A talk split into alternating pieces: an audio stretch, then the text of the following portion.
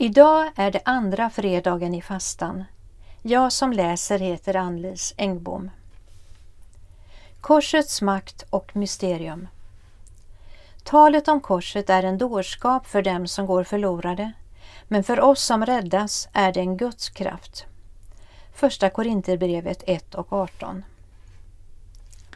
Din hand är en bön när du tecknar dig med korset.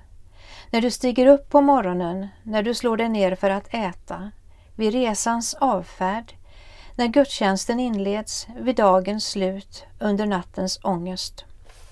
Handens rörelse från pannan till bröstet, den vertikala linjen tillber ett stort mysterium. Guds kenosis, Kristi utblottelse, när Gud stiger ner till oss och blir människa.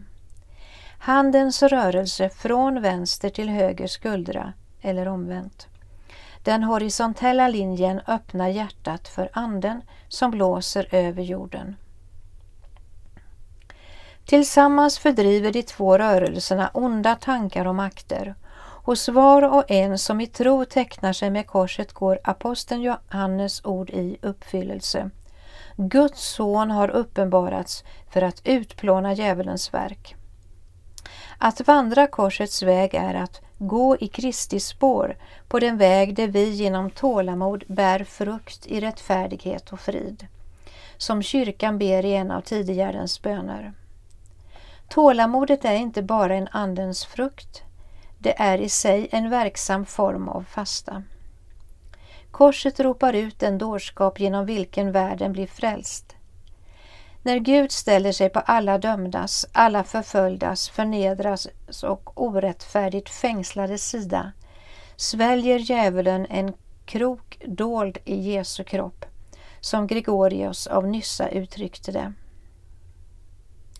Detta är korsets makt och mysterium. Varje gång vi älskar vår fiender och ber för dem som förföljer oss faller domen över världen. Var gärna med mig i en bön.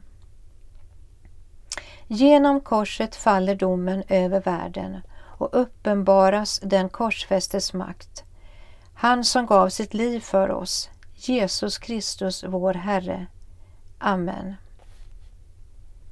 Jag vill önska dig en välsignad dag.